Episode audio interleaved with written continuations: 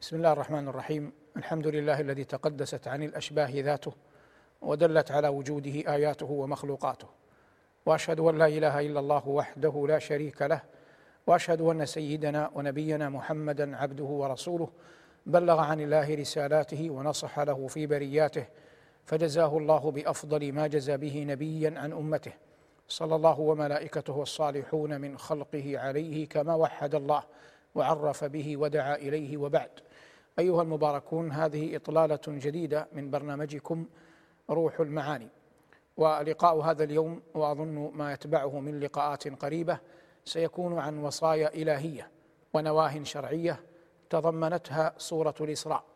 وكنا قد تحدثنا يسيرا في إحدى الحلقات عن سورة الإسراء وبينا أنها من العتاق الأول ومعنى أنها من العتاق الأول أي من أوائل ما أنزل على قلب نبينا صلى الله عليه وسلم في العهد المكي.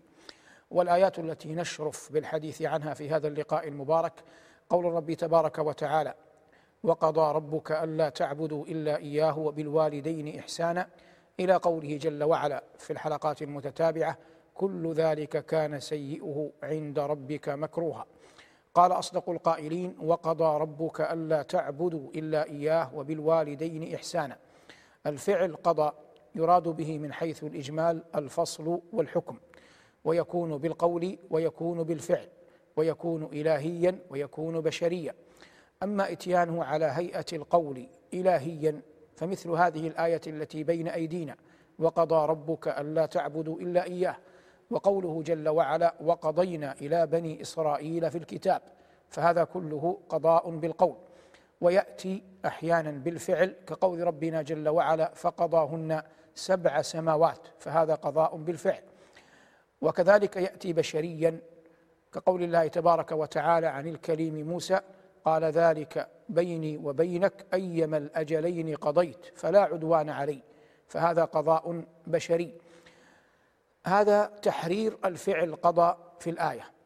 أما معنى قول الله جل وعلا وقضى ربك أي حكم وأمر أي حكم وأمر الا تعبدوا إلا إياه. وهذا هو التوحيد الذي بعث الله جل وعلا به الرسل جميعا. أن اعبدوا الله واجتنبوا الطاغوت. إني أنا الله لا إله إلا أنا فاعبدني وأقم الصلاة لذكري. والله تبارك وتعالى تعالى ما نصب الموازين ولا أقام البراهين إلا ليعبد وحده دون سواه. وهذا مما تقرر في الدين ولا خلاف فيه بين أحد من أهل العلم بل إن الملة لا تقوم إلا به. ذلكم أن التوحيد بعث الله به الرسل جميعا من نوح إلى محمد صلى الله عليه وسلم. كلهم إنما كان يدعو إلى عبادة الله جل وعلا وحده وقد تحدثنا عن هذا كثيرا ولله الحمد والمنة. قال ربنا بعدها وبالوالدين إحسانا. هذا من وصايا القرآن. أمر الله جل وعلا بالإحسان إلى الوالدين بل قرن جل وعلا حقه بحقهما أو قرن حقهما بحقه قال ان اشكر لي ولوالديك ان اشكر لي بالعبادة ولوالديك بالبر والإحسان ومن لم يكن له خير ونفع وصلاح لوالديه لن يكون له خير لمن هما لمن هم أبعد من من والديه وفي الحديث أمك ثم أباك ثم أدناك فأدناك وبالوالدين إحسانا وهذا اجمال ثم فصل جل وعلا. قال إما يبلغن عندك الكبر أحدهما أو كلاهما. ومعلوم أن البر يكون للوالدين على كل حال لكنه يتأكد إذا عظمت الحاجة للبر. ولا تعظم الحاجة للبر أكثر من كون أحد الأبوين أو كلاهما يكبر ويطعن في السن ويصبح غير قادر على أن يقيم نفسه. فيتأكد البر هنا. وكما يتأكد البر هنا تأتي صور أن الإنسان يتضجر من كبر والديه وكل هذا قد علمه الله جل وعلا فوصى تبارك وتعالى خلقه أجمعين بوالديهم. قال ربنا إما يبلغن عندك الكبر أحدهما أو كلاهما فلا تقل لهما أف ولا تنهرهما وقل لهما قولا كريما. فلا تقل لهما أف هذا قد يحدث عندما يكون الإنسان قد بلغ أحد أبويه أو كلاهما الكبر فلا يستطيعان أن يميطا الأذى عن أنفسهما فيتعاهدهما الولد بذلك. فقد يتضجر من هذا الصنيع وقد يتأفف بتلك الكلمة وقد يتأوه بقريب منها. ومع والله جل وعلا ينهاه عن هذا حتى في ذلكم الموضع. فلا تقل لهما أف. ثم قال ولا تنهرهما ولا يتصور. أن أحدا يعقل عن الله كلامه ثم يكون منه نهر لوالديه لأن الله جل وعلا عظم شأنهما في كتابه العظيم تعظيما جليلا حتى إنه جل وعلا ذكر الشرك وهو أكبر الكفر وأجله. مع ذلك قال وإن جاهداك لتشرك بي ما ليس لك به علم فلا تطعهما. أي في دعوتهما لك بالشرك. ثم قال رب العالمين وصاحبهما في الدنيا معروفا. فأمر بمصاحبتهما بالمعروف وإن كان على حال من الكفر عظيم يدعوانك يدعوانك فيه إلى الشرك. وقد قال الله جل وعلا عن الخليل إبراهيم وقد قال يا إبراهيم لئن وقد قال إبراهيم لابنه افظع الخطاب وأشنعه. قال رب تبارك وتعالى يا أبت لا تعبد الشيطان إن الشيطان كان للرحمن عصيا. يا أبت إني أخاف أن يمسك عذاب من الرحمن فتكون للشيطان وليا. قال أراغب أنت عن آلهتي؟ يا إبراهيم لئن لم تنته لأرجمنك وأهجرني مليا. ومع ذلك كان جواب الخليل قال سلام عليك سأستغفر لك ربي إنه كان بي حفيا. نعود للآية. فقال الله تبارك وتعالى هنا ولا تقل لهما فلا تقل لهما أف ولا تنهرهما وقل لهما قولا كريما. والقول الكريم هو أن الإنسان يحفهم يحفهما بالكلم الطيب الجميل الذي تستأنس به قلوبهما وتستكين إليه نفوسهما وتحب أن تسمعه آذانهما. هذا المقصود بالقول الكريم الذي ينبئ عن المحبة والإجلال للوالدين. وقل لهما قولا كريما واخفض لهما جناح الذل من الرحمة. نحن نعلم أن الله جل وعلا جعل لبعضنا سلطانا على بعض. من ذلك أن الطيور بعضها له سلطان على بعض. فإذا غلب الطائر الأقوى على الطائر الأضعف استكان الثاني له ورضخ وخفض جناحه. أشبه بالمستسلم من شدة الخوف ومن شدة يقينه أن لا مفر من تسلط الطائر الأقوى عليه. هذا الأصل في التشبيه. هذا الأصل في التشبيه. ربنا جل وعلا هنا يقول واخفض لهما جناح الذل فينبغي لك أيها المؤمن أن تستكين لوالديك استكانة تشبه استكانة ذلك الطائر الضعيف للطائر القوي. لكن لاحظ الاستدراك في الآية. لاحظ الاستدراك في الآية. الله جل وعلا قال واخفض لهما جناح الذل.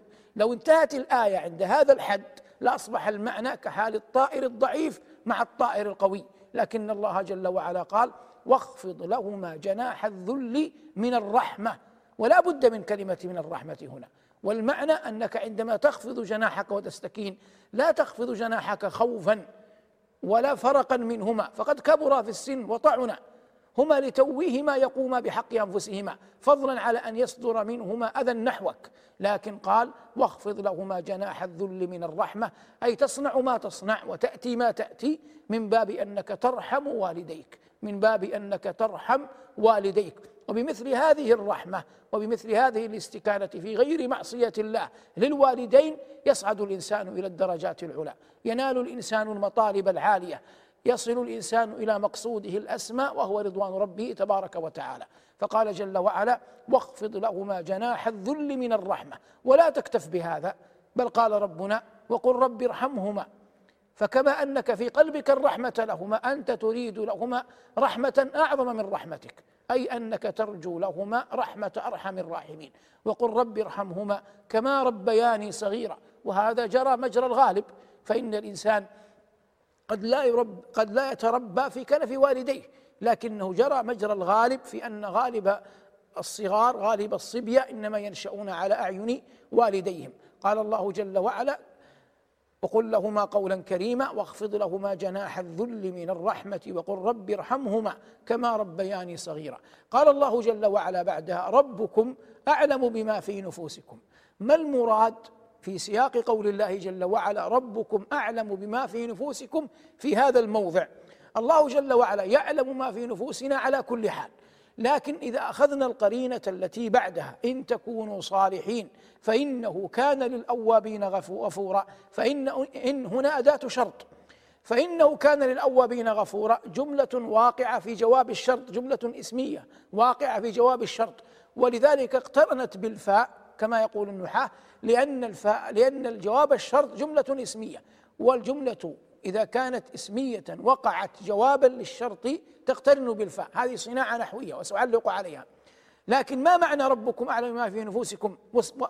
في خلال هذا الموضع وسط هذا السياق أحيانا يكون منك ما هو ظاهره العقوق وأنت لا تريد إلا الرحمة والرأفة بالوالدين. فمثلا قد تكون قد يكون الوالد أو تكون الوالدة تحت حالة نفسية صعبة فيغلب عليها ما يعرف مثلا بالوسواس القهري أو تدخلها الأوهام فتظن بها شيئا غير موجود فتلح عليك وتطلب منك أمورا تعلم يقينا أنت أنك لو قبلتها لها لزادتها ضررا ولو أنك وافقت الوالدة فيما تطلبه لتضررت أكثر فتمتنع بلطف وأدب وحشمة ورحمة أن تحقق مرادها.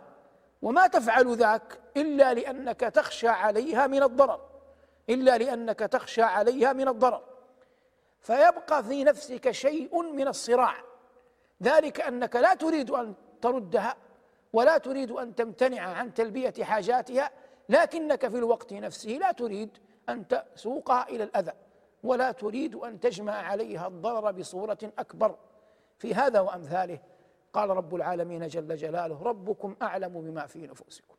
وهذا من رحمة الله بنا. وعلم الله جل وعلا وحده كفيل بأن نعلم أنه لا تخفى على الله جل وعلا خافية. وربنا يتولى منا السرائر والعلانية. والمهم أن نصلح سرائرنا مع يقيننا بأن الله مطلع عليها وأن الله لا يضيع أجر المحسنين. قال الله ربكم أعلم بما في نفوسكم. إن تكونوا صالحين فإنه كان للأوابين غفورا. والأوابين هنا جمع أواب والفعل آب بمعنى بمعنى عاد. وقد قال صلى الله عليه وسلم لما ذكر صلاة الضحى قال صلاة الأوابين حين ترمض الفصال. صلاة الأوابين حين ترمض الفصال. فكلمة أواب كلمة محمودة في القرآن. أخبر الله جل وعلا فيها وأثنى بها على الخيار من خلقه والصفوة من رسله كما قال ربنا جل وعلا واذكر عبدنا أيوب إذ نادى ربه أني مسني الشيطان بنصب وعذاب. إلى أن قال جل وعلا نعم العبد إنه أي أيوب إنه أواب. فهنا يقول جل وعلا فإنه كان للأوابين غفورا. وغفور اسم من أسماء الله الحسنى. جعلنا الله وإياكم ممن يتعبد الله بأسمائه الحسنى. ثم قال ربنا جل وعلا وآت ذا القربى حقه والمسكين وابن السبيل ولا تبذر تبذيرا. آت بمعنى أعطي ذا القربى أي أولو الأرحام ذوي القرابات. فبعد أن ذكر حق الوالدين وفصل فيه وبين شأنهما جاءت الآية توسع الدائرة قليلا. قال وآتي ذا القربى حقه وبدأ به لأن للقريب حقا ثم قال وآتي ذا القربى حقه والمسكين. والمسكين غالبا يكون من أهل بلدتك. ثم قال وابن السبيل وهو المسافر. والعرب يعني تنسب ابن وابنه إلى أشياء وتكن بها عنها ويقصدون بذلك أمورا معينة. يقولون ابن السبيل ويريدون المسافر. ويقولون بنات الدهر ويقصدون المصائب والكوارث. قال المتنبي أبنت الدهر عندي كل عندي كل بنت فكيف فررت أنت من الزحام؟ وزائرتي كأن بها حياء فليس تزور إلا في الظلام. فرشت لها المشارف والحشايا فعافتها وباتت في عظامي. يضيق الجلد عن نفسي وعنها فتوسعه بأنواع السقام. يتكلم عن الحمى في قصيدة مشهورة. الذي يعنينا هنا أن العرب لها طريقتها في الكلام والقرآن نزل بلسان عربي مبين فابن السبيل هو المسافر لكثرة تردده عليه والمراد أن الله جل وعلا جعل المسألة مسألة جعل المسألة مسألة أولويات فبدأ بالقريب ثم الدائرة اتسعت إلى المسكين ثم إلى ما هو أبعد إلى ابن السبيل وكل له حقه بحسبه ولا ريب أن العرف له دوره الكبير في تحقيق هذا المناط في مثل هذه المسائل. وآت ذا القربى حقه والمسكين وابن السبيل. وفي القرآن قل لا أسألكم عليه أجرا إلا المودة في القربى. فلا ريب أن القرابة لها حقها. يقول معد بن أوس وذي رحم قلمت أظفار ضغنه. بحلمي عنه حتى لم يعد له ضغن. فالمقصود أن الإنسان ينبغي أن يصل قرابته وقد جاء في صلة الرحم من الأحاديث والآيات الشيء العظيم قال ربنا والذين يصلون ما أمر الله به أن يوصل. وأعظم ما أمر الله به أن يوصل صلة الرحم وتأدية الأمر حقه. وقد قال صلى الله عليه وسلم مثلا في أهل مصر إن لهم ذمة ورحمة. فهذه الأصهار والأنساب والقرابات والأرحام لها شأنها في الشرع الإسلامي يجب أن يحفظ. كذلك المساكين لفقرهم وعوزهم وحاجتهم لهم حق يجب أن يعنى به. وكذلك المسافر المنقطع الذي يشعر بالغربة يحتاج إلى من يواسيه يحتاج إلى من يقوم به حتى يبلغ مأمنه.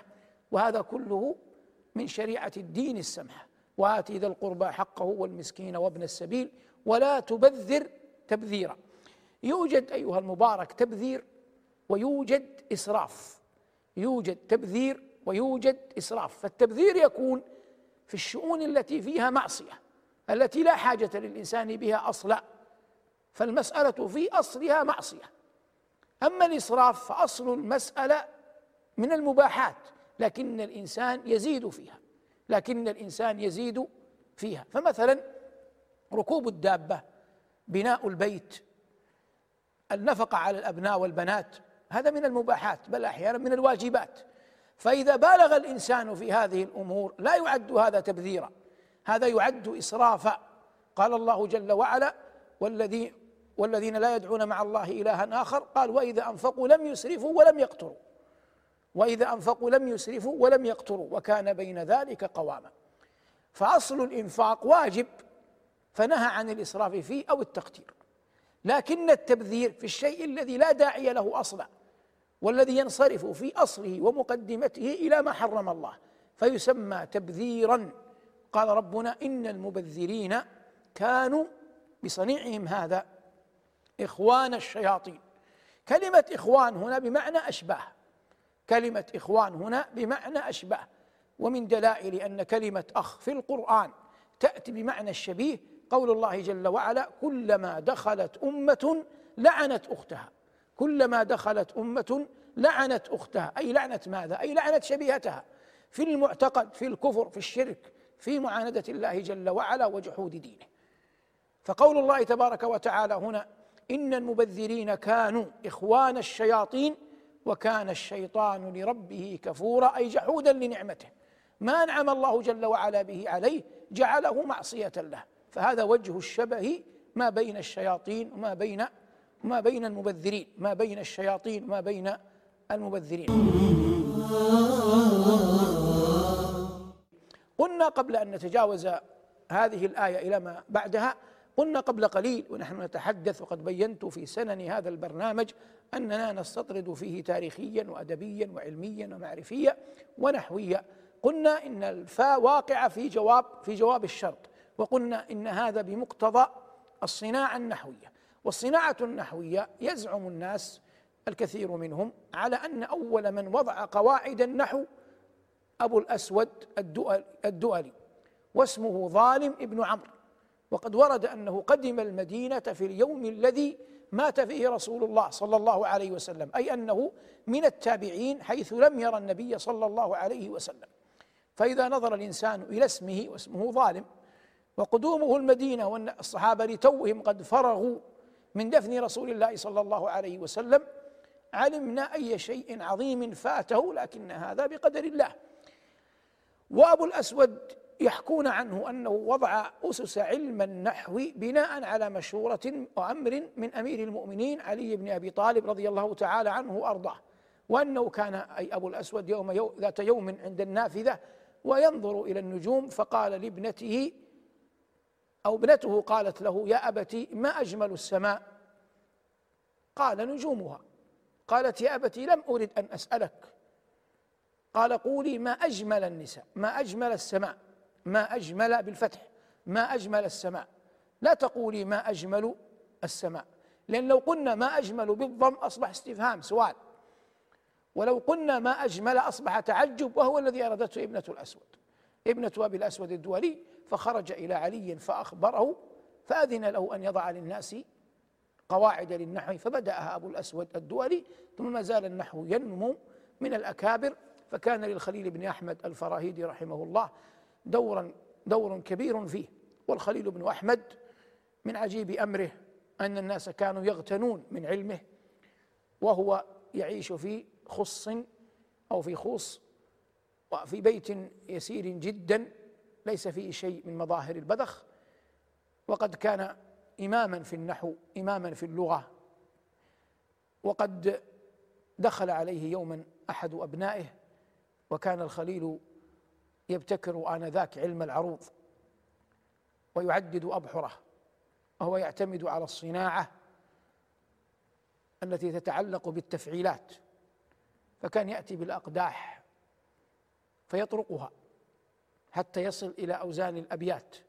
فمثلا يقال بحور الشعر وافرها جميل مفاعلة مفاعلة فعول. مثال فكان يقول هذا ويصنعه. ولم يكن للناس عهد بهذا العلم لأن علم العروض أول من ابتكره خليل بن أحمد. فدخل عليه ابنه ووالده على جلالة قدره وهيبته ولحيته يصنع هذا. فظن الابن بأبيه شرا فخرج. يحسب أن أباه مجنون. فناداه أبو الخليل رحمه الله نادى ابنه وقال له لو كنت تعلم ما أقول عذرتني. أو كنت أجهل ما تقول عذلتك. لكن جهلت مقالتي فعذلتني وعلمت أنك جاهل فعذرتك. أي أنك لو تفقه ماذا أصنع لما لمتني. ولو لم أكن أنك أعلم ولو لم أكن أعلم أنك جاهل للمتك لكنك أنت تجهل ما أنا فيه فتلومني وأنا أعلم ما أنت فيه فأعذرك. هذا معنى البيتين. عن الخليل أخذ الإمام الكبير سيبويه أكثر علمه. فلما كتب كتابه الكتاب وهو الشهير في النحو كان إجلالا للخليل. يقول مثلا سيبويه في الكتاب قال فلان سمعت فلان وزعم فلان يسميهم. فإذا قال قال ولا يذكر الفاعل فيقصد شيخه الأول الخليل بن أحمد الفراهيدي وهذا من الأدب مع المشايخ. نعود إلى الآية لكن هذا استطراد نحوي. قال ربنا جل وعلا بعدها وإما تعرضن عنهم ابتغاء رحمة من ربك ترجوها فقل لهم قولا ميسورا. وإما تعرضن عنهم أي أولئك الذين أمرناك أن تصلهم وتعطيهم وتنظر في حالهم قد يأتي عليك أحوال لا, لا شيء بيدك ولا مال عندك تنفقه. فإن كان الأمر كذلك وأنت ترجو رحمة الله لا تستبطئ رزقه وتعلم أن الأمر سيأتي كمن يأتيك في زماننا هذا والشهر قد دنا من نهايته. فيطلبك مالا وهو فقير وتعلم أنه محتاج لكنك بعد لم تقبض. فتقول له ائتني بعد يوم كذا. فهذا مما قال الله جل وعلا فيه وإما تعرضن عنهم ابتغاء رحمة من ربك ترجوها. فقل لهم قولا ميسورا أي قل لهم قولا لينا وكلما طيبا تسترضيهم به حتى يؤتيك الله جل وعلا من رزقه فهنالك تبرهم وتؤتيهم مما آتاك الله جل وعلا. فقل لهم قولا ميسورا. ثم قال الله لنبيه ولا تجعل يدك مغلولة إلى عنقك. ليس المقصود أن يصنع الإنسان يصنع الإنسان بيديه هذا الأمر لكن المقصود ذم البخل. لكن المقصود ذم البخل. ومنه قول الله تبارك وتعالى وقالت اليهود يد الله مغلولة. غلت أيديهم ولعنوا بما قالوا.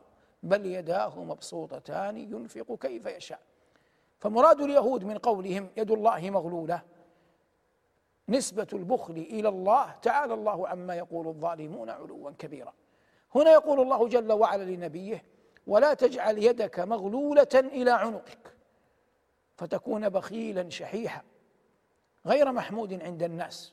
يقول زهير ومن يك ذا مال فيبخل بماله على قومه يستغنى عنه ويذمم. قال ولا تجعل يدك مغلولة إلى عنقك ولا تبسطها كل البسط. أي فلا تنفق إنفاقا لا يبقي تحت يدك شيء. فإن هذا يجعلك بعد حين لا تستطيع أن تصنع معروفا لأحد لأنه لا ليس بيدك شيء أن تملكه. ليس بيدك شيء تملكه. ولا تبسطها كل البسط فتقعد ببسطك إياها ملوما محسورا فتقعد ملوما محسورا ملوما أي أتيت ما تلام عليه. ومحسورا مأخوذ من قول العرب حسرت الدابة أي عيت وأصابها الكلل فانقطعت عن المشي. ومنه الوادي المعروف وادي محسر وهو برزخ ما بين مزدلفة ومنى وسمي بوادي محسر لأن الفيل انقطع عنده ولم يستطع أن يدخل مكة ولم يستطع أن يدخل مكة فسمي وادي محسر أي الانقطاع. فكل انقطاع في اللغة يسمى تحسير. ينقلب إليك البصر خاسئا وهو حسير أي انقطع به الأمر لم يجد شيئا يغنيه. هذا المراد. قال الله جل وعلا ولا تبسطها كل البسط فتقعد ملوما محسورا ثم بين الله لنبيه عظيم خزائنه وجليل ملكه فقال إن ربك يبسط الرزق لمن يشاء ويقدر. لما قال جل ذكره يبسط الرزق يبسط الرزق وقال مقابلها ويقدر فهمنا أن يقدر ضد يبسط. فأصبح معنى يقدر يضيق. يقدر هنا بمعنى يضيق. ومنه قول الله جل وعلا في نبأ يونس بن متى وذنون إذ ذهب مغاضبا فظن. أي يونس أن لن نقدر عليه أي أن لن نضيق عليه. أن لن نقدر عليه أي أن لن نضيق عليه. فيقدر هنا بمعنى بمعنى يضيق. إن ربك يبسط الرزق لمن يشاء ويقدر. إنه كان بعباده خبيرا بصيرا. إنه كان بعباده خبيرا بصيرا. ولا ريب أن الله جل ذكره أعلم بما يصلح عباده. أعلم بما يصلح عباده. قبل أن ننتقل إلى ما بعدها نتحدث عن قضية البخل وعن قضية الكرم. العرب عرفت مشاهير في الكرم والسخاء والجود ويضربون المثل بحاتم طي ويقولون عنه إنه جواد العرب المشهور. ومن عجيب ما نقل عنه أن ديارهم في طيء أجدبت ولم يجد الناس شيئا يأكلونه حتى أطلت عليهم ليلة لم يكن في الديار كلها شيئا يطعم. لم يكن في الديار شيء يطعم. فجاءته امرأة في الليل وهو وزوجه نائمان وهو يحاول أن يعلل أبناءه أي يلهيهم حتى يناموا. وقد أصابهم الجوع واشتد بهم. فلما جاءته المرأة ومعها أولاد لها تستطعمه. وهو لم يجد طعاما لأولاده. فرق لها وعمد إلى خيله التي لا يملك غيرها. فنحرها. ثم أشعل النار. ثم أخذ يشوي للمرأة ثم أيقظ أهل البلدة كلهم وأخذ يطعمهم. فما أصبحوا وبقي من الخيل شيء لا لحم ولا عظم ولا حافر وهو لم يطعم شيئا ليله كله. وهذا يفعله وهو لا يرجو جنة ولا يخشى نارا وإنما حتى يذكر بخير. ولما كانت زوجته تأبى عليه مثل هذا الصنيع أحيانا واسمها ماوية فكان يرد عليها. أموي إن المال غاد ورائح ويبقى من المال الأحاديث والذكر. أماوي إني لا أقول لسائل إذا جاء يوما حل, حل في مالي النزر. لعمرك ما يغني الثراء عن الفتى إذا حشرجت يوما وضاق بها الصدر. وما أمل فيه حاتم وقع. فهو إلى اليوم.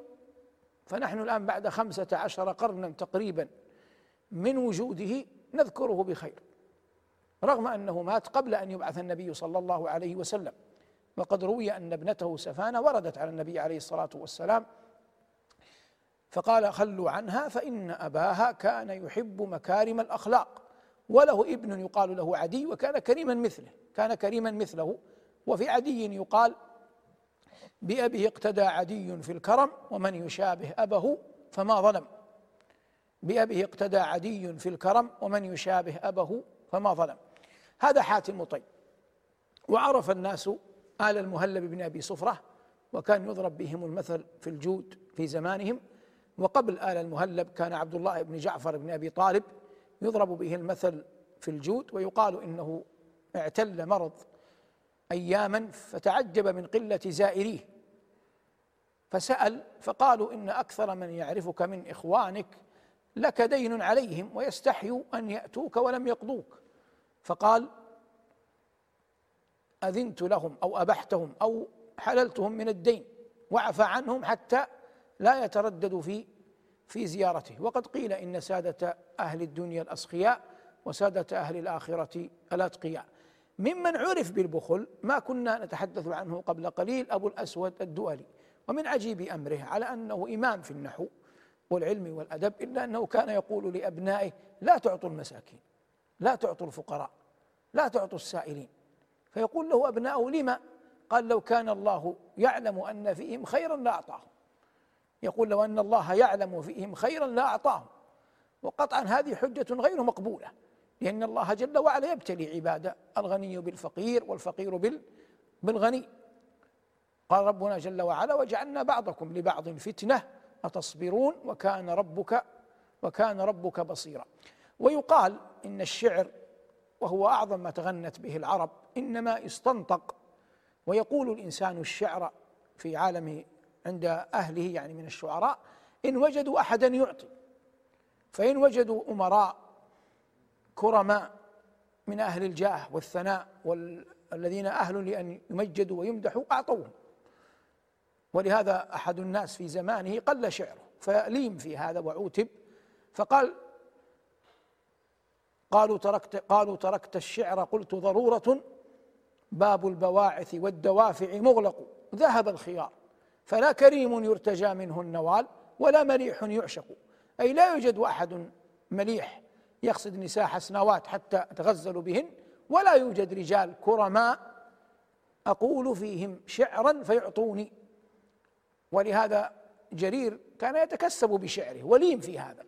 كان يقول لي عبد الملك سأشكر إن رددت علي ريشي وأنبت القوادم من جناحي حميت حما تهامة بعد نجد وما شيء حميت بمستباح فيذكر حاله وفقره يتكلم عن زوجته يقول تعلل وهي صاغبة بنيها بأنفاس من الشبب القراح كل ذلك استجداء للمال.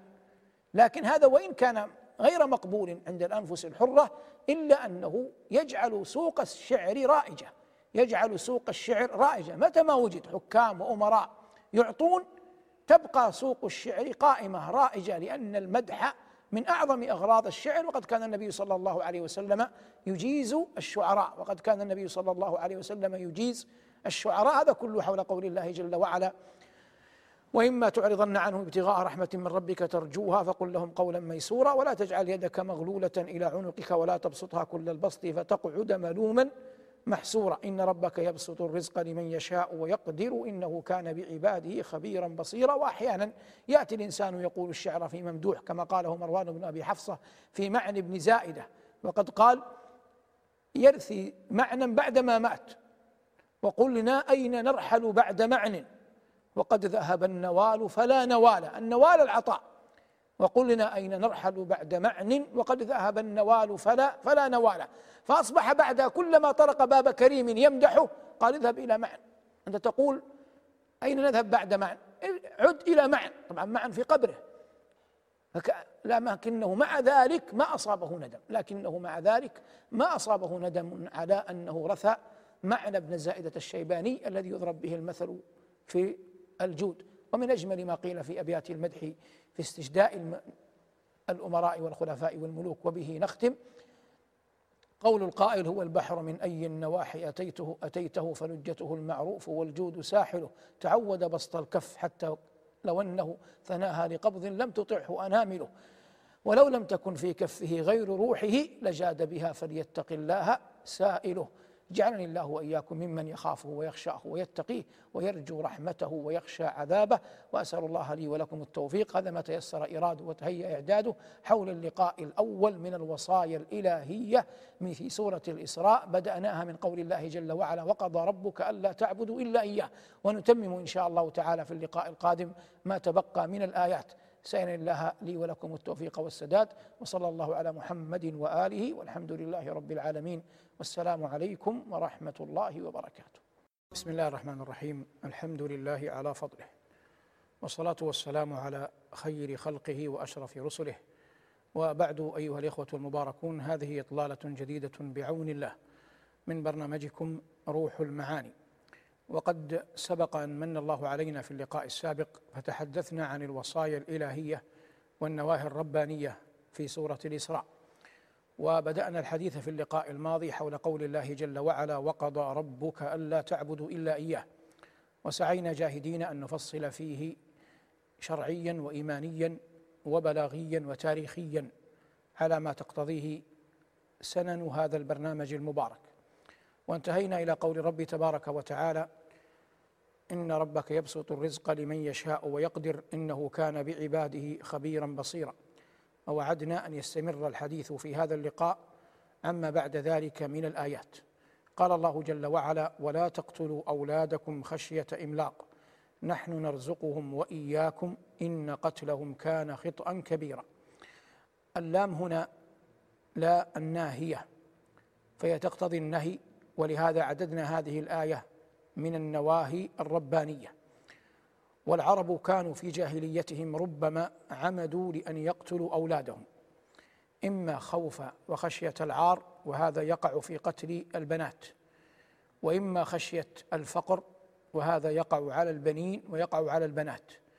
ولفظ ولد في القرآن يطلق على الذكر ويطلق على الأنثى يطلق ويراد به الواحد ويطلق ويراد به الاثنين وأكثر ويطلق ويراد به الصغير ويراد به الكبير. قال الله جل وعلا فإن كان لكم ولد لما ذكر في آية المواريث. ومعنى ذلك الولد هنا ذكرا كان أو أنثى كبيرا كان أو أو صغيرا. والعرب تقول لمن كان قريب العهد والعرب تقول لمن كان قريب العهد من الولادة وليد.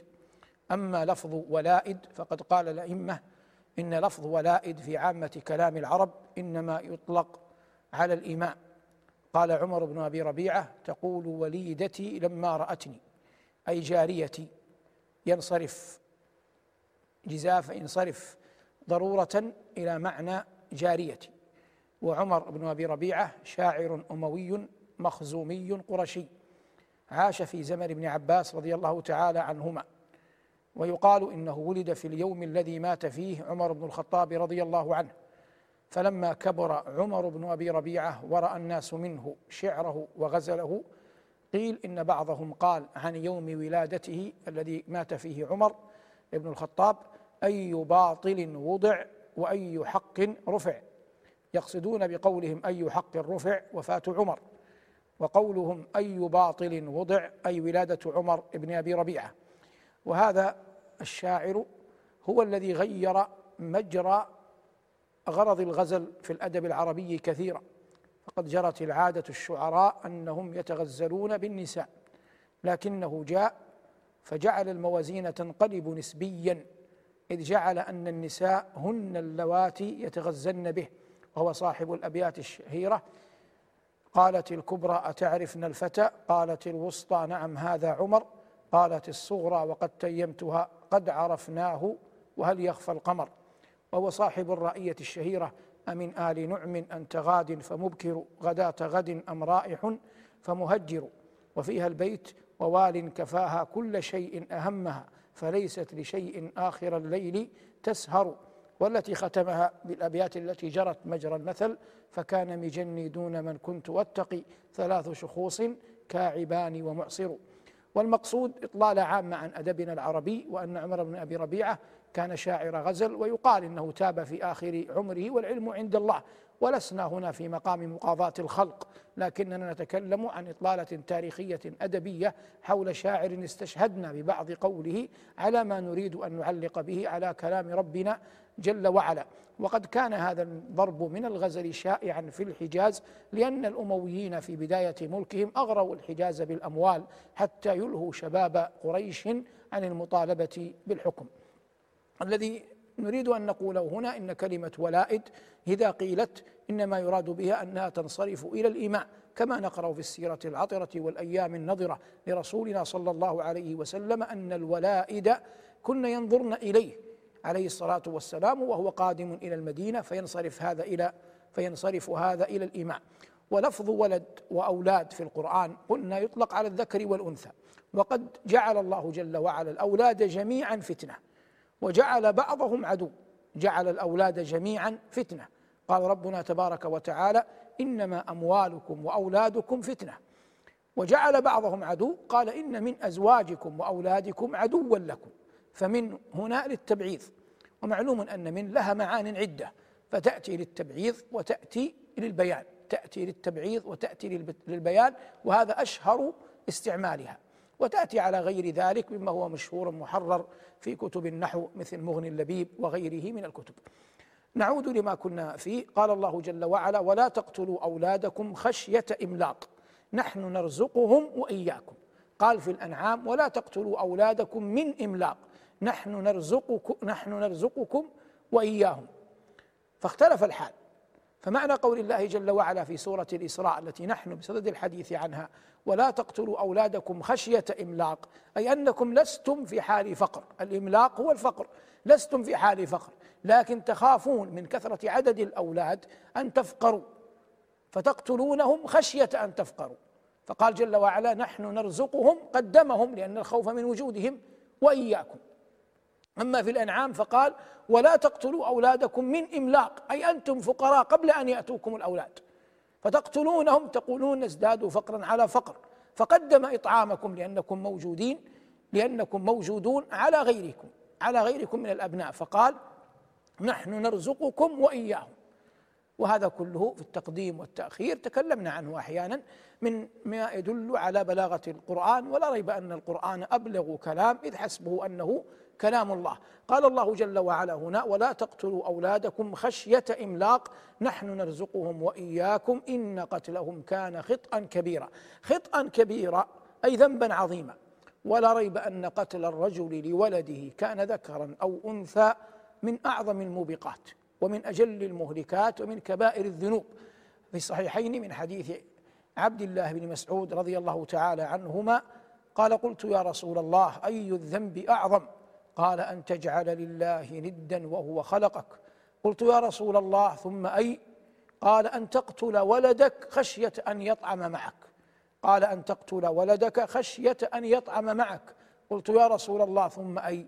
قال أن تزاني حليلة جارك. أن تزاني حليلة جارك. فإذا بلغ بالرجل حاله أنه عياذا بالله يقتل ولده خشية أن يطعم معه. هذا سوء ظن بالله أنه لا يرزق.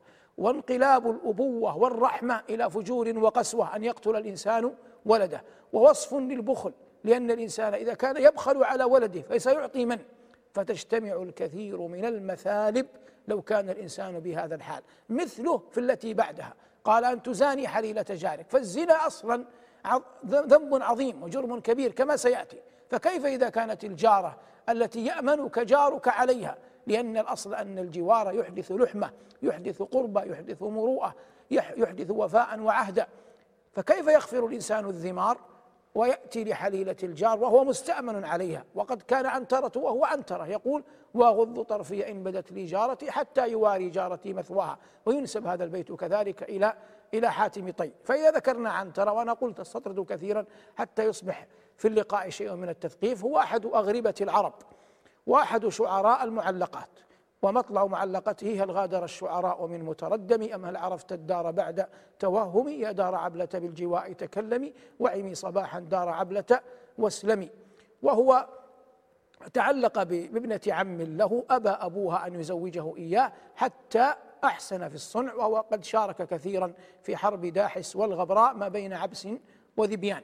فهو أحد مشاهير العرب وقد كان موصوفا بالشجاعة. وكان يحب أن يمدح. وهذا فطرة جبلة في النفس. يقول ولقد شفى نفسي وأبرأ سقمها قيل الفوارس. ويك عنتر وأقدمي. ولقد شفى نفسي وأبرأ سقمها قيل الفوارس. ويك عن ويك عنتر وأقدمي. يدعون عنتر والرماح كأنها أشطان بئر في لبان الادهم أي فرس. وقد كان حريصا على أن يبدأ في القتال لكنه يتأخر حين تقسم الغنائم. وما ذاك إلا ليعظم في عين من يحب. وما ذاك إلا ليعظم في عين من يحب. هلا سألت الخيل يا ابنة مالك إن كنت جاهلة بما لم تعلمي يخبرك من شهد الوقيعة أنني أغشى الوغى وأعف عند المغنم. يخبرك من شهد الوقيعة أنني أغشى الوغى وأعف عند عند المغنم. نعود للآية. قال ربنا جل وعلا ولا تقتلوا أولادكم خشية إملاق نحن نرزقهم وإياكم إن قتلهم كان خطأ كبيرا بينا أنه من كبائر الذنوب. يقال أخطأ وخطئ. يقال أخطأ وخطئ. خطئ آثم على كل حال. أما أخطأ تقع عمدا وتقع غير غير عمد. كبيرة هنا صفة لماذا؟ صفة لخطأ صفة للكلمة التي قبلها وهي عند النحاة إحدى التوابع. والتوابع منها الصفة بقسميها السببي والحقيقي ومنها البدل بأقسامه الثلاثة بدل الكل وبدل البعض وبدل الاشتمال ومنها العطف. والموجود هنا الصفة تتبع الموصوف. إن قتلهم كان خطأ كبيرة بعد أن بين الله جل وعلا هذا ذكر الله جل وعلا ما يحفظ به النسل. بعد أن بين عدم جواز قتل النسل والذرية بين ماذا. بماذا تحفظ الأنساب؟ بالبعد عن الرذائل. وأن الإنسان يكون عفيفا طاهر الأثواب حرا أبيا. لا يأتي الفحشاء ولا العوراء. قال الله جل وعلا ولا تقربوا الزنا. والزنا من كبائر الذنوب. وفي الحديث أن النبي صلى الله عليه وسلم مر على في رحلة الإسراء والمعراج أو في رؤيا التي رآها على نساء ورجال عراه في تنور ضيق من أعلاه واسع, واسع من أدناه. فيضيق بهم الأمر وهم يتضاغون. ثم أخبر قلت من هذا؟ قال قالوا أي الملائكة الذين معه جبريل وميكال قال هؤلاء الزناة والزواني هؤلاء الزناة والزواني عياذا بالله. فالزنا رتب الله جل وعلا عليه كبير الإثم.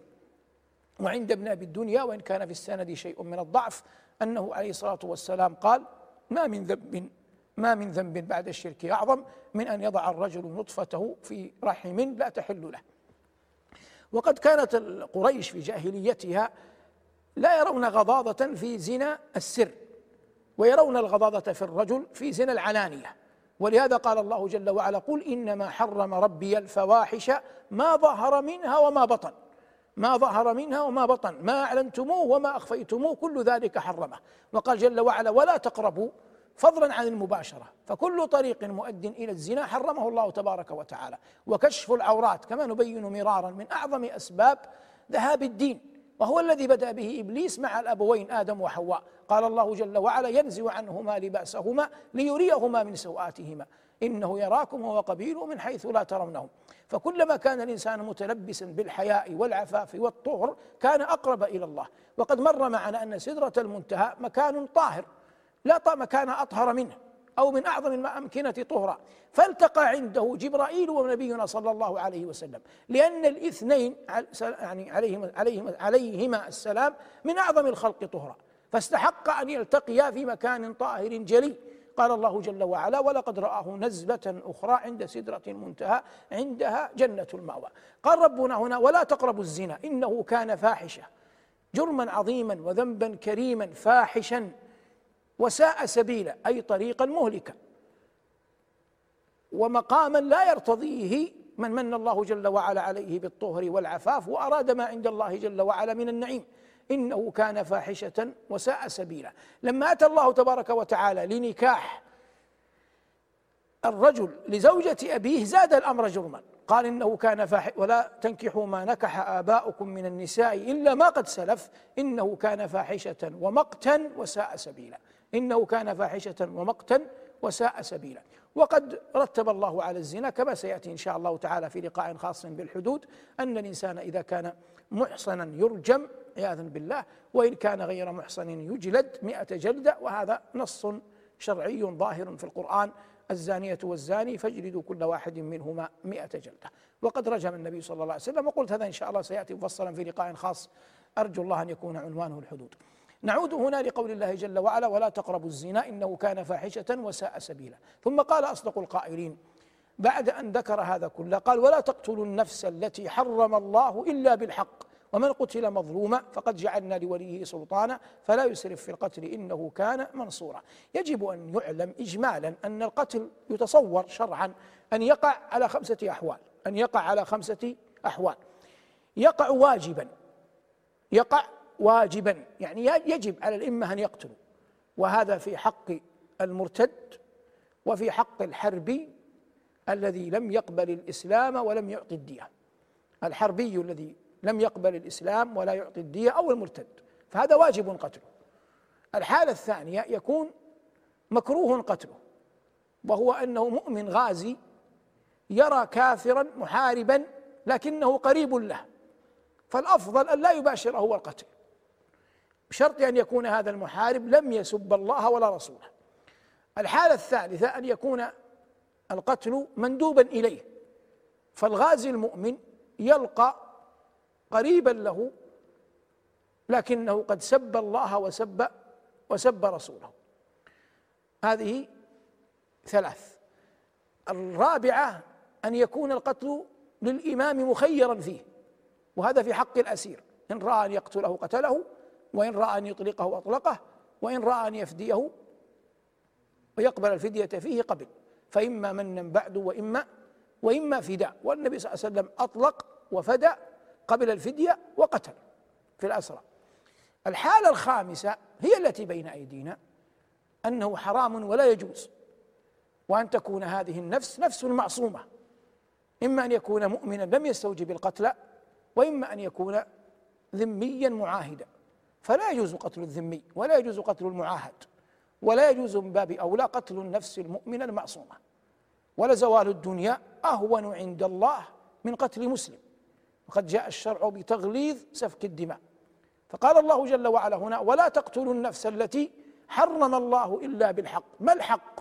أن يأتي منها ما يستوجب أن تقتل.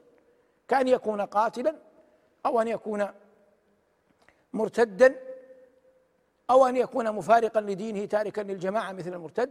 المهم يأتي بشيء دل الشرع على أنه يستوجب يستوجب القتل.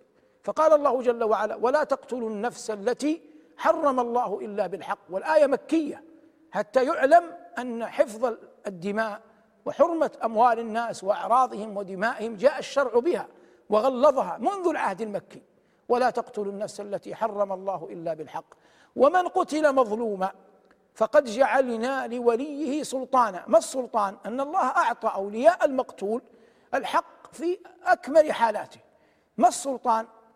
السلطان أن أولياء المقتول لهم أن يطالبوا بالقصاص ولهم أن يعفوا ولهم أن يقبلوا الدية. فلم يبق شيء من هذه الثلاثة المحتملة إلا وأعطاهم الله إياه. فإن قالوا عفونا تم العفو. وإن طالبوا بالقصاص قتل القاتل. وإن طالبوا بالدية أخذوا الدية فهم في كل أحوالهم منصورون. وهذا من معاني قول الله جل وعلا فلا يسرف في القتل من معنى قول الله تعالى فقد جعلنا لوليه سلطانا لما قال الرب تبارك وتعالى فقد جعلنا لوليه سلطانا قال فلا يسرف في القتل ما صور الإسراف في القتل؟ صور الإسراف في القتل أن الإنسان يقتل الاثنين والثلاثة والجماعة بالواحد. فهذا لا يجوز. واحد بواحد. أو أنه يمثل بالقاتل ويعذبه. فهذا لا يجوز. كل ذلك إسراف في القتل. وقد كانت العرب في جاهليتها يفاضلون بين الناس. فيرون أن البعض من الأشراف وأهل الجاه منهم مشايخ قبائلهم آنذاك لا يقبل أن أن يقتل بواحد أو باثنين. يريد أن يقتل بالأمة كلها. وأكثر حروبهم إنما امتدت لوجود هذه النعرة فيهم. فمثلا الحرب الشهيرة حرب داحس حرب البسوس التي وقعت بين بكر وتغلب فإن سببها قتل جساس لكليب. لكن إصرار مهله الربيعة على أن يقتل بأخيه كليب بكرا كلها هو الذي جعل الحرب تمتد. ولما بعث له الحارث بن عباد ابنه حتى يتصالح معه أو يفاوضه. قتل مهلهل كما في الخبر المعروف. قتل مهلهل ربيعة بجيرا ابن الحارث بن عباد. فلما قتله ولم يكن أبوه قد بعثه لهذا الشيء لكنه مع ذلك صبر واحتمل وقال يعني انتهى انتهى الأمر. هو فقد أخاه كليبا فقد أخاه كليبا وأنا فقدت ابني. لكن بلغه أن مهلهل ربيعة لما قتل ابن الحارث قال بؤ بشسع نعل كليب. بؤ بشسع نعل كليب. يعني أنت الآن قتلتك لكن هذا لا يشفي صدري. لا يعني أنها كليب بك وأنت بكليب. أنت الآن مقابل شسع نعل كليب.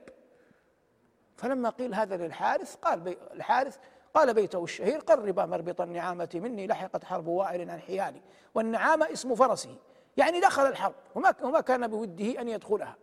ولا بوده أن يشارك فيها. والمقصود هذا من معاني قول الله جل وعلا فلا يسرف في القتل. ثم قال ربنا إنه كان أي الأولياء الدم إنه كان منصورا.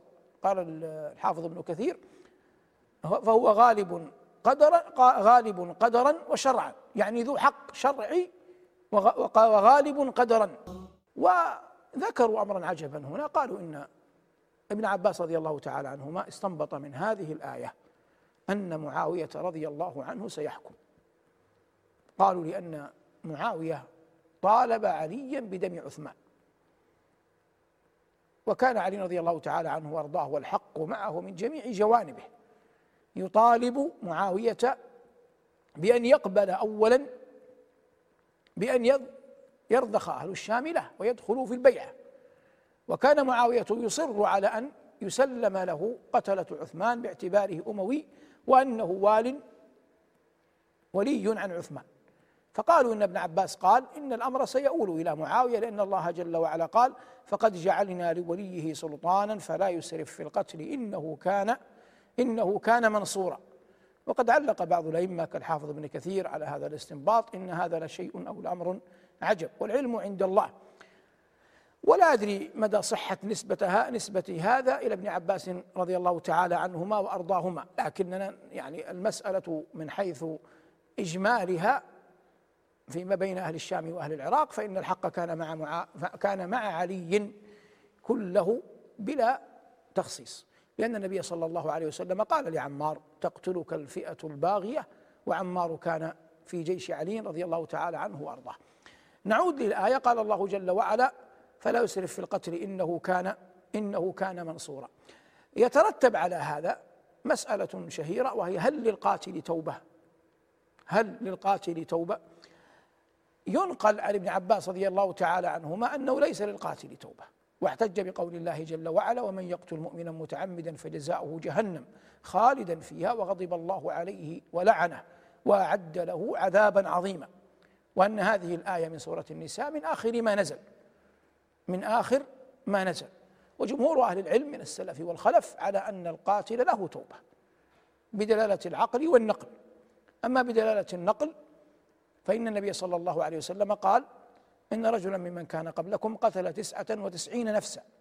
ثم سأل رجلا هل لي من توبة؟ قال لي قال لا. فقتله وأكمل به المئة. ثم ذهب إلى آخر دل على عالم فسأله هل لي من توبة؟ قالوا من يحول بينك وبين التوبة.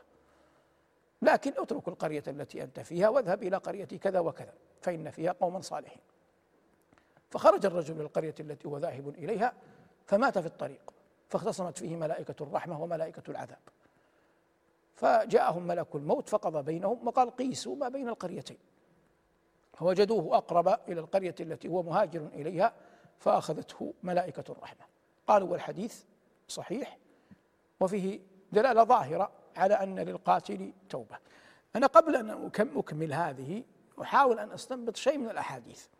لابد لمن يتصدر للناس في العلم والفتوى وبيان الدين أن يؤتيه الله جل وعلا بصيرة كيف يتعامل مع الناس. هذا قتل تسعة وتسعين نفسا. أنت عقلا يعني لك أن تتخيل رجل عنده قدرة بدنية وجرأة قلبية أن يقتل تسعة وتسعين. في الزمن الماضي لا يمكن لأحد أن يقتل تسعة وتسعين بطريقة واحدة لأنه لا يوجد سلاح جماعي كما يوجد في عصرنا لكن القتل يكون بالرمح أو بالسيف أو بالخنجر وهذا يحتاج إلى أن يضرب تسعة وتسعين ضربة حتى يقتل. فهذا يدل على قوة جسدية على قوة بدنية على جرأة قلبية يدل على أشياء عديدة. فهذا الأول الذي سئل يظهر أنه كان عابدا. لما كان عابدا هو يعبد الله في منأى عن الناس لم يخالطهم لا يعرف أحوالهم. فلما جاءه رجل يقول له أنا قتلت تسعة وتسعين نفسا هو أخذها من وجهين الوجه الأول أنه لا يتوقع أن أحدا عياذا بالله يتجرع على دماء الناس فيقتل تسعة وتسعين. والأمر الثاني عدم مخالطته للناس جعلته لا يعرف شخصية مثل هذه ولا يبالي أن يتخذ طريقا حسنا للجواب. فقال يقول له هل لي من توبة؟ قال لا ليس لك توبة. لو فرضنا أن الإجابة صحيحة شرعا هي غير صحيحة لو فرضنا أن الإجابة صحيحة شرعا لما يقول له في وجهه ليس لك توبة؟ هو قبل قليل يقول لك قتلت 99 فلا يعقل أن تخاطبه وتبادره بطريقة كهذه. إنما يؤتى بلطف. يقول له سيأتيك الجواب غدا أرجو أن يكون لك توبة حاول. يأتي له بطريقة. لكن قال له ليمضي قدر الله ليس لك توبة. فقتله. وهذا المتوقع. فقتله وأكمل به المياه. لما ذهب إلى عالم اختلف الوضع. فالعالم يعلم ما الجواب الشرعي ويعلم كيف يجيب. فقال ومن يحول بينك وبين التوبة؟ يرغبه هذا الدليل النقلي على صحة توبة القاتل. الدليل العقلي. أن الشرك أعظم الذنوب وأجلها ولا ذنب أعظم من الكفر والشرك. فإذا ثبت بإجماع المسلمين بدلالة القرآن والسنة أن من تاب من الشرك والكفر تاب الله عليه فلئن من تاب عن القتل يتوب الله عليه. فلئن من تاب عن القتل يتوب الله جل وعلا يتوب الله جل وعلا عليه. لكن لو أن أحدا قتل ثم تاب فتاب الله عليه هل يسقط حق المقتول. حق المقتول جعله الله جل وعلا بين اثنين. جعله بين الأولياء فأعطاهم الذي ذكرناه القصاص والعفو أو قبول الدية. لكن يبقى حق المقتول نفسه الذي في قبرها الميت. فهذا يأتي يوم القيامة يأخذ بالقاتل ويقول أي رب سل عبدك هذا فيما قتلني. فكونه يتوب سقط حق الله. إذا قبل الله جل وعلا برحمته توبته. لكن لا يسقط حق لا يسقط حق المقتول. نفسه المقتول نفسه لم يستفد شيئا من توبة هذا ولم يستفد من قبول الدية من عند قومه أو بالقصاص أو بال أو بالعفو. ويبقى بعد ذلك أن حق أن له حق يطالب به يوم يطالب به يوم القيامة حتى يعلم الجميع أي حرمة للدماء. تأتي في أحوال ذكر القتل وغيره أمور قد يعجب المرء منها. من ذلك شيء وقفت عليه بنفسي أن قوما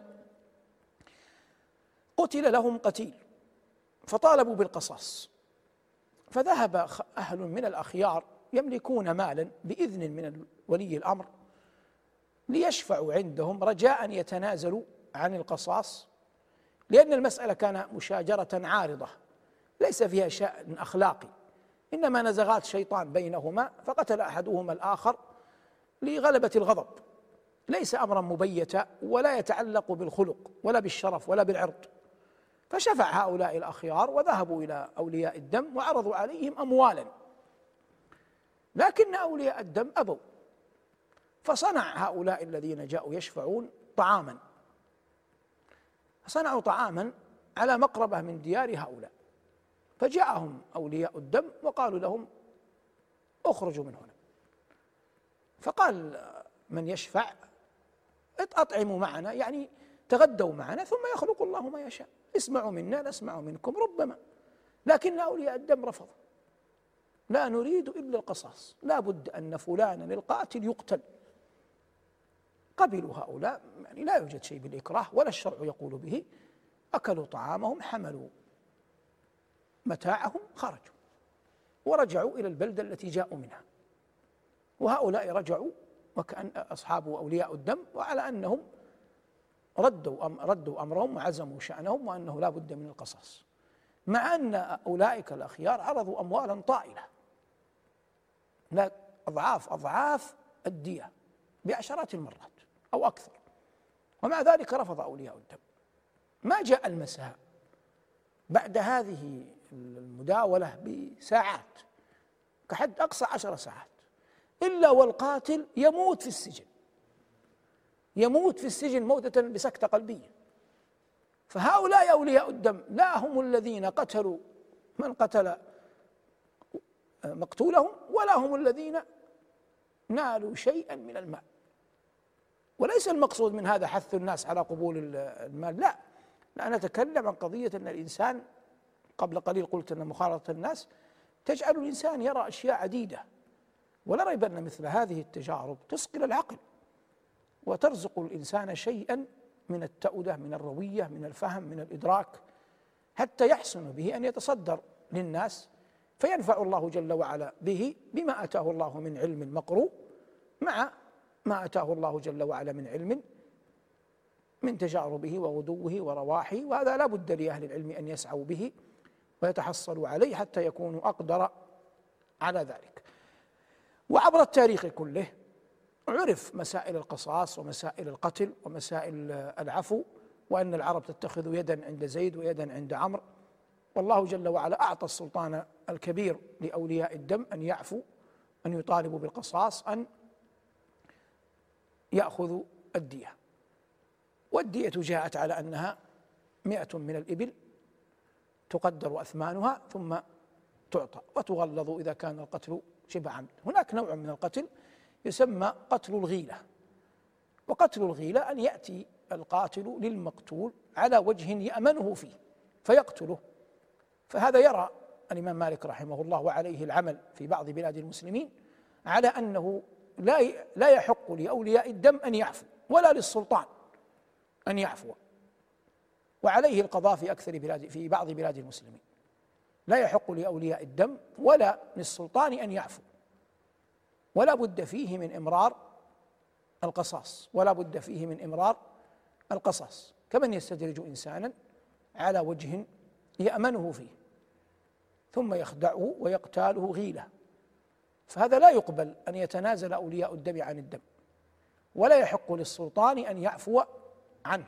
قد وقفت على واحدة منها بنفسي أنه قتل غلام غيلة قتلة بشعة. ومع ذلك قبل أهله وربما لعوزهم أو فقرهم قبلوا بالمال لكثرته لكن المحكمة قضت أنه لا بد من قتل القاتل. أخذا برأي مالك رحمه الله وهذا حق. لأنه إذا كان الإنسان عياذا بالله يدعو إنسانا صغيرا كان أو كبيرا على وجه يأمن كمن زوجة تقتل زوجها على فراشها أو زوج يقتل زوجته على فراشهما. فالإنسان أين يكون أشد أمنا في مكان أكثر من بيته ومخدعه ومع زوجته؟ فإذا قتل من من هذا الباب هذه غيلة. وإذا المرأة التي تزوجته ليحميها ويعولها فإذا به يقتلها على فراشها مثلا فهذه غيلة لأنه قتلها على وجه تأمنه فيه. فهذا وأمثاله. يرى بعض الفقهاء كما قلنا ومذهب مالك ومن وافقه على أنه يعد قتل غيلة ولا بد فيه من إمضاء القصاص ولا خيار فيه كما قلنا من دية أو أو عفو. هذا مجمل ما أردنا الحديث عنه مستطردين ما بين التاريخ والأدب والشعر واللغة وما بين أحداث الناس. حول قول الله جل وعلا ومن ولا تقتلوا النفس التي حرم الله إلا بالحق ومن قتل مظلوما فقد جعلنا لوليه سلطانا فلا يسرف في القتل إنه كان منصورا. في اللقاء القادم إن شاء الله تعالى نتابع الحديث عن هذه الوصايا الربانية والنواهي الإلهية في سورة الإسراء ونبدأ عند قول الله جل وعلا إنه كان منصورا ولا تقربوا مال اليتيم إلا بالتي هي أحسن حتى يبلغ أشده. وأوفوا العهد وأوفوا الكيل إذا كلتم وزنوا بالقسطاس المستقيم وما يتبعها من آيات ومعان جليلة. في سورة الإسراء. هذا أيها المباركون على وجه الإجمال ما تيسر إراده وتهيأ إعداده وأعان الله على قوله حول الوصايا الربانية في لقائها الثالث إلى أن نلتقي إن شاء الله. أسأل الله أن يوفقنا وإياكم لما يحب ويرضى وأن يلبسنا وإياكم دوما وأبدا لباس العافية والتقوى. وصلى الله على محمد وآله والحمد لله رب العالمين. والسلام عليكم ورحمة الله وبركاته. بسم الله الرحمن الرحيم. الحمد لله الذي جعل حمده أول آية في كتاب رحمته. والحمد لله الذي جعل حمده آخر دعاء لأهل جنته. وصلى الله وسلم وبارك وأنعم على نبيه وصفيه محمد بن عبد الله وعلى آله وأصحابه ومن والاه. وبعد أيها المباركون هذه إطلالة جديدة من برنامجكم روح المعاني. وفي هذا البرنامج كنا قد بينا في لقاءات مسبقة أنه يعنى بكثير من آيات القرآن وأحاديث النبي صلى الله عليه وسلم. وربما كانت بعض حلقاته منفردة في عنوانها بمعنى أنه لا يلزم أن يكون العنوان مقتبسا من آية كريمة أو حديث نبوي وإن كان لابد أن نفيء إلى ما فيهما من خير وأن نستهدي بما فيهما من رشد. وفي اللقاءين الماضيين تحدثنا عن وصايا نبوية ونواهي وصايا إلهية ونواهي ربانية تحدثنا عن وصايا نبوية ونواهي إلهية في سورة الإسراء. بدءا من قول الله جل وعلا وقضى ربك ألا تعبدوا إياه. وقضى ربك ألا تعبدوا إلا إياه. ثم عرجنا عن قول الله جل وعلا ولا تقتلوا النفس التي حرم الله إلا بالحق. واليوم نبدأ الحديث من قول الله جل وعلا ولا تقربوا مال اليتيم إلا بالتي هي أحسن حتى يبلغ أشده وأوفوا بالعهد إن العهد كان مسؤولا. لما ذكر الله جل وعلا حرمة الدماء في قوله جل ذكره ولا تقتلوا النفس التي حرم الله إلا بالحق جاء هنا إلى قرين النفس وهو المال فتكلم عن شيء منه فقال ربنا ولا تقربوا مال اليتيم إلا بالتي هي أحسن. اليتيم في بني آدم من فقد أباه قبل البلوغ من فقد أباه قبل البلوغ والأصل في معنى اليتم انقطاع الشيء عن الشيء الذي يحفظه كما يقال في الصدف واللآلئ درة يتيمة أي انقطعت عما كان يحويها. وفخر اليتامى أن النبي صلى الله عليه وسلم نشأ يتيما. قال شوقي رحمه الله ذكرت باليتم في القرآن تكرمة وقيمة اللؤلؤ المكنون في اليتم. ذكرت باليتم في القرآن تكرمة وقيمة اللؤلؤ المكنون في اليتم.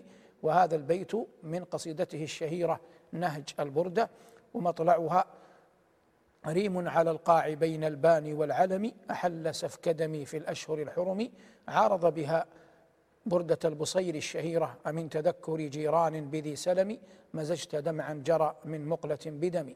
وشوقي رحمه الله شاعر من شعراء العصر الحديث بويع بإمرة الشعر أظنه مر معنا شيء من سيرته لكن الله جل وعلا كتب له قبولا كثيرا في الناس. ولذلك ما زال الناس إلى يومنا يتغنون بشعره ويستجدونه ويرونه كثير التأثير في حياتهم. وله مدايح نبوية فريدة من أجلها قوله في نبينا صلى الله عليه وسلم ابا الزهراء قد جاوزت قدري بمدحك بيد أن لي انتسابا فما عرف البلاغة ذو بيان إذا لم يتخذك له كتابا. مدحت المالكين فزدت قدرا فلما مدحتك اقتدت السحابا. نعود إلى ما نحن فيه. قال الله جل وعلا ولا تقربوا مال اليتيم إلا بالتي هي أحسن. إلا بالتي هي أحسن أي بما يحفظ لليتيم ماله. بأن يتاجر الإنسان فيه رجاء تثميره وإبقائه وزيادة ربحه فهذا مما لا حرج فيه. وقد قال الله جل وعلا ومن كان فقيرا فليأكل بالمعروف. ونهى الله جل وعلا الأغنياء عن الأكل من أموال اليتامى وأمرهم بالاستعفاف. بل أخبر جل وعلا أن من يأكل مال اليتيم ظلما قد توعده الله بنار جهنم. قال ربنا إن الذين يأكلون أموال اليتامى ظلما إنما يأكلون في بطونهم نارا وسيصلون سعيرا. هذا كله من دلائل حفظ الله جل وعلا لليتامى في أموالهم. قال أصدق القائلين ولا تقربوا مال اليتيم إلا بالتي هي أحسن حتى يبلغ أشده. واختلف في معنى الأشد هنا. ولكن دل ظاهر القرآن على أن الأشد يعرف بطريقين. طريق أن العقل سوي ناضج وهذا عبر القرآن عنه بقوله إن آنستم منهم رشدا بأن يتصرف ويسلك مسالك العقلاء ويبتعد في ماله وصنيعه عن مسالك أهل السفه والتبذير. أما الشيء البدني فالله جل وعلا قال بلغوا النكاح فإذا قدر رأينا فيه قدرة بدنية في اليتيم على النكاح حكمنا بأنه بلغ الأشد جسديا ويبلغ الأشد عقليا بما يكون من تصرف رشيد يظهر عليه يستأنس به من يراه ويراقبه ويتابعه قبل أن يسلم يسلم إليه ماله. قال الله جل وعلا ولا تقربوا مال اليتيم إلا بالتي هي أحسن حتى يبلغ أشده وأوفوا بالعهد. والعهد هنا جامع لكل ما بينك وبين الله وما بيننا وبين الناس. وأعظم العهد فيما بيننا وبين الله أن نعبده ولا نشرك به شيئا. قال ربنا جل ذكره وإذ أخذ ربك من بني آدم من ظهورهم ذريتهم وأشهدهم على أنفسهم ألست بربكم؟ قالوا بلى شهدنا أن تقولوا يوم القيامة انا كنا عن هذا غافلين أو تقولوا إنما أشرك آباؤنا من قبل وكنا ذرية من بعدهم. أفتهلكنا بما فعل المبطلون؟ وهذا أعظم العهد الذي أخذه الله جل وعلا على بني آدم. وقد يكون العهد بينك وبين الناس وذلك في العقود والمعاملات وهذا جاء الشرع به وغيره أي غير الوفاء تركه يسمى غدر. وقد حذر الشرع من الغدر. والنبي صلى الله عليه وسلم قال لا تخن من لا تخن من خانك. والمؤمن يعرف أن الوفاء بالعقد والعهد مسؤول عنه يوم القيامة. قال ربنا وأوفوا بالعهد إن العهد كان كان مسؤولا. وقوله جل ذكره إن العهد كان مسؤولا يحتمل في علم التفسير احتمالين. الاحتمال الأول أن يسأل من نقض العهد لما نقضت عهدك. أن يسأل من نقض العهد لما نقضت عهدك. وهذا ظاهر. والحالة الأخرى أن العهد يسأل صاحبه لما نقضتني. أن العهد يسأل صاحبه يوم القيامة لما نقضتني فيكون هذا السؤال من باب التكبيت فيكون هذا السؤال من باب التكبيت نظير أو قريب من قول الله جل وعلا وإذا الموءودة سئلت بأي ذنب قتلت والعلم عند الله. قبل أن نتجاوز هذه الآية للآية التي بعدها فإن الأحرار لا يأتي منهم أبدا لما دل عليه الشرع وتحكمه المروءة من أنهم لا يقبلون ابدا أن ينقضوا عهودهم بل كان هذا شائعا ذائعا معروفا حتى في الجاهلية. وكلنا يعلم أو كثير منا يعلم أن امرأ القيس لما أخذ يطلب ملك أبيه وضع سلاحا عند السموأل ابن عادية وبه تضرب العرب المثل في الوفاء.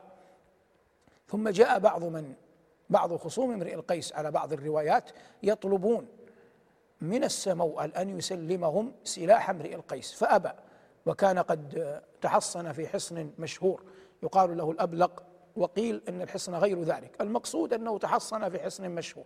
فوافق أن ابنا للسموأل كان خارج الحصن فهدده العدو بأن يقتل ابنه أو يسلم السلاح فأبى وضحى بابنه من أجل أن يفي بالعهد. وهذا دلالة على منزلة رفيعة رغم أنه فعله في الجاهلية وهو يهودي. لكن هذه خصال وصفات. والنبي صلى الله عليه وسلم أعظم من حفظ أعظم من حفظ العهود والمواثيق.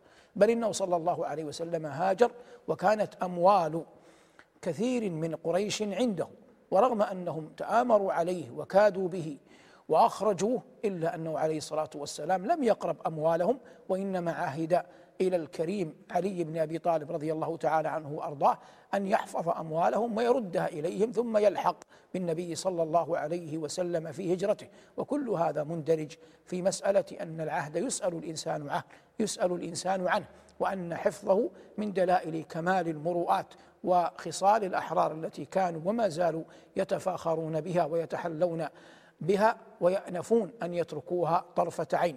وهذا من القيم العظيمة التي جاء بها الدين. وأوفوا بالعهد إن العهد كان كان مسؤولا.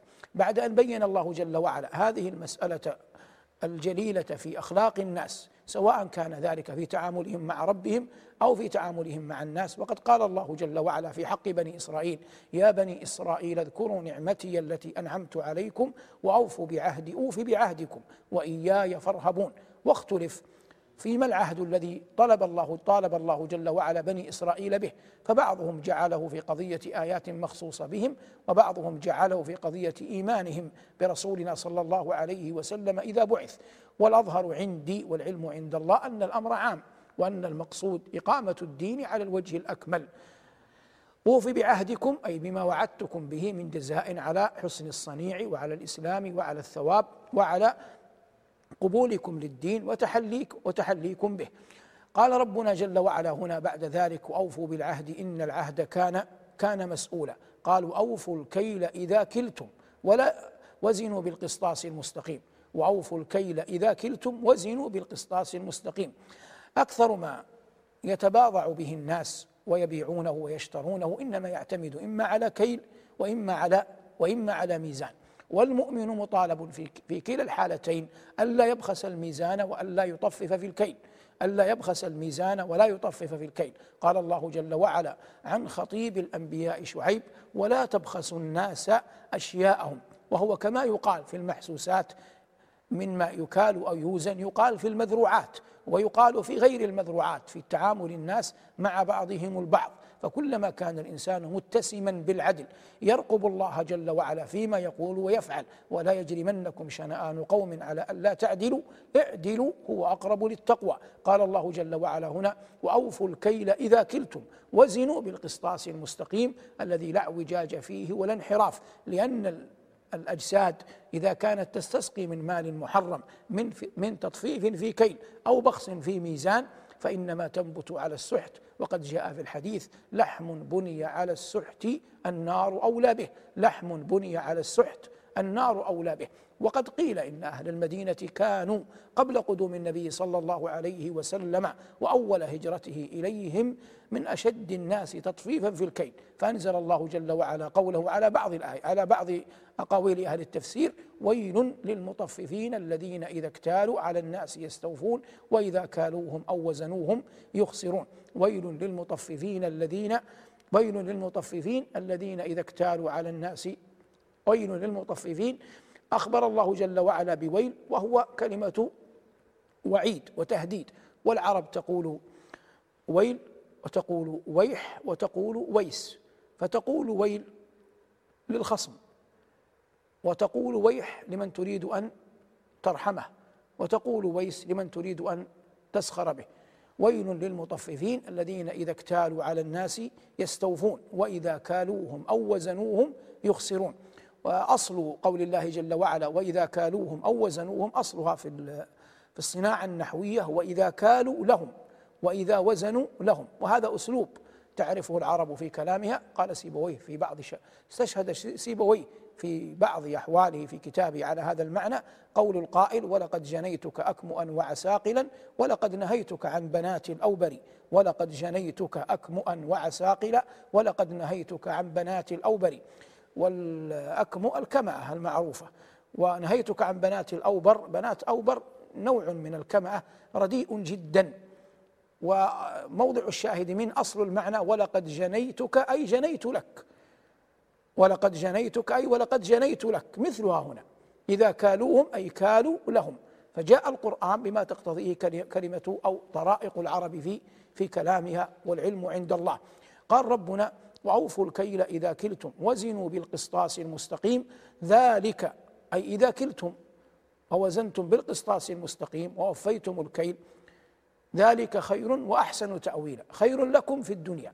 وأحسن تاويلا أي أحسن تاويلا وعاقبة في الآخرة لأن الإنسان بهذا الصنيع يبارك له في رزقه وفي يوم القيامة يوفى أجره لأنه لم يقع منه ظلم للعباد لأنه لم يقع منه ظلم للعباد. وقد روي أن ابن عباس رضي الله تعالى عنهما كان يقول للموالي لأنهم كانوا هم القائمين أكثر الحال بالكيل والميزان يتاجرون لساداتهم إنكم وليتم منا أمرين كانا سببا في هلاك الناس قبلكم الكيل والميزان الكيل والميزان. والنفس إذا تركت فإنها أمارة بالسوء وإن لم تلجب بلجام التقوى فإن الدرهم والدينار فتنة.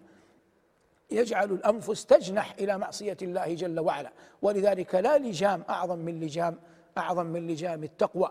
ورحم الله من قالت تطاول هذا الليل واسود جانبه وأرقني أن لا حبيب ألاعبه فوالله لولا الله لا شيء غيره لحرك من هذا السرير جوانبه مخافة ربي والحياء يكفني وإكرام بعلي أن تنال مراكبه موضوع الشاهد من أبياتها مخافة ربي فإن خوف الله جل وعلا إذا ورثه القلب وكانت خشية الله جل وعلا مستقرة في فؤاد المؤمن منعته أن يعصي الله جل وعلا. فلا يكون لبريق الدينار والدرهم أثر في أن يطلب شيئا حراما. وكما قلنا لا يمكن أن يكون هناك لجام أعظم من لجام أعظم من لجام التقوى.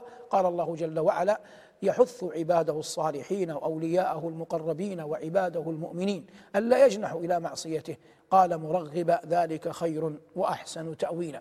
بعد أن جاء الشرع بقضية التطفيف في الك... بقضية النهي عن التطفيف في الكيل والميزان قال الله جل وعلا ولا تقف ما ليس لك به علم إن السمع والبصر والفؤاد كل أولئك كان عنه مسؤولا.